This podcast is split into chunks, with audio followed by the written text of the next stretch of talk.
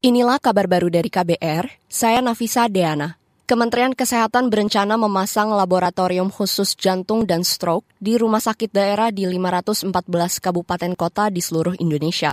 Menteri Kesehatan Gunadi Sadikin menargetkan dengan laboratorium khusus yaitu Cath Lab, seluruh kabupaten kota di seluruh Indonesia harus bisa melakukan intervensi untuk penyakit stroke dan jantung yang menjadi penyebab kematian tertinggi udah dapat pinjaman Bank Dunia. Harusnya sebentar lagi diketok nih pinjamannya. Hari ini negosiasi 4,2 miliar dolar. Targetnya apa? Semua kabupaten kota harus bisa melakukan intervensi cath lab untuk stroke sama jantung. Jadi semua kabupaten kota akan kita pasangin cath lab. Uangnya udah ada dari pemerintah pusat dan alat-alatnya.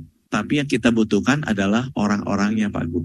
Menteri Kesehatan Budi Gunadi Sadikin mengatakan hingga saat ini baru ada 44 kabupaten kota yang memiliki cath lab atau tidak sampai 10 persen dari seluruh kabupaten kota yang ada di Indonesia. Padahal, penyakit jantung termasuk pembunuh paling banyak di Indonesia dengan angka kematian tertinggi. Kita ke informasi lain.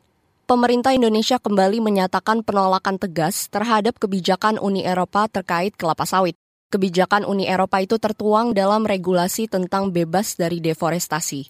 Menteri Koordinator Bidang Perekonomian Erlangga Hartarto menyampaikan penolakan itu dalam pertemuan dengan perwakilan organisasi masyarakat dan organisasi non-pemerintah di Brussel, Belgia.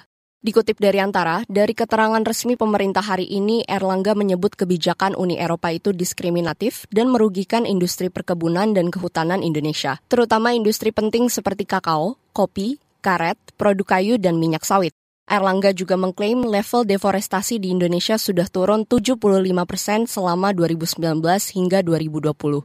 Menurut Erlangga, ini membuktikan Indonesia sebagai negara produsen minyak sawit secara ketat sudah mengimplementasikan berbagai kebijakan di bidang konservasi hutan. Selain Indonesia, perwakilan pemerintah Malaysia juga menyambangi Brussel untuk menyatakan keberatan atas aturan Uni Eropa tersebut. Kita ke mancanegara.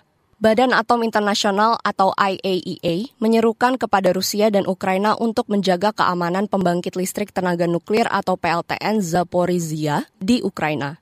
IAEA e frustasi karena upaya untuk membuat perjanjian perlindungan PLTN selama berbulan-bulan dengan dua negara yang berperang itu tidak kunjung membuahkan hasil. Dikutip dari Reuters, Kepala IAEA e Rafael Grossi mengatakan situasi keamanan PLTN Ukraina itu sangat rapuh dan berbahaya.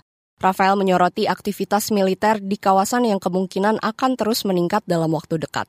Negara-negara barat menuding Rusia yang menginvasi Ukraina sejak Februari lalu melakukan aktivitas militer yang menempatkan PLTN Ukraina itu dalam status berisiko tinggi. Amerika Serikat bahkan meminta Rusia memindahkan peralatan militer dan tentara mereka dari PLTN itu. Demikian kabar baru dari KBR, saya Nafisa Deana.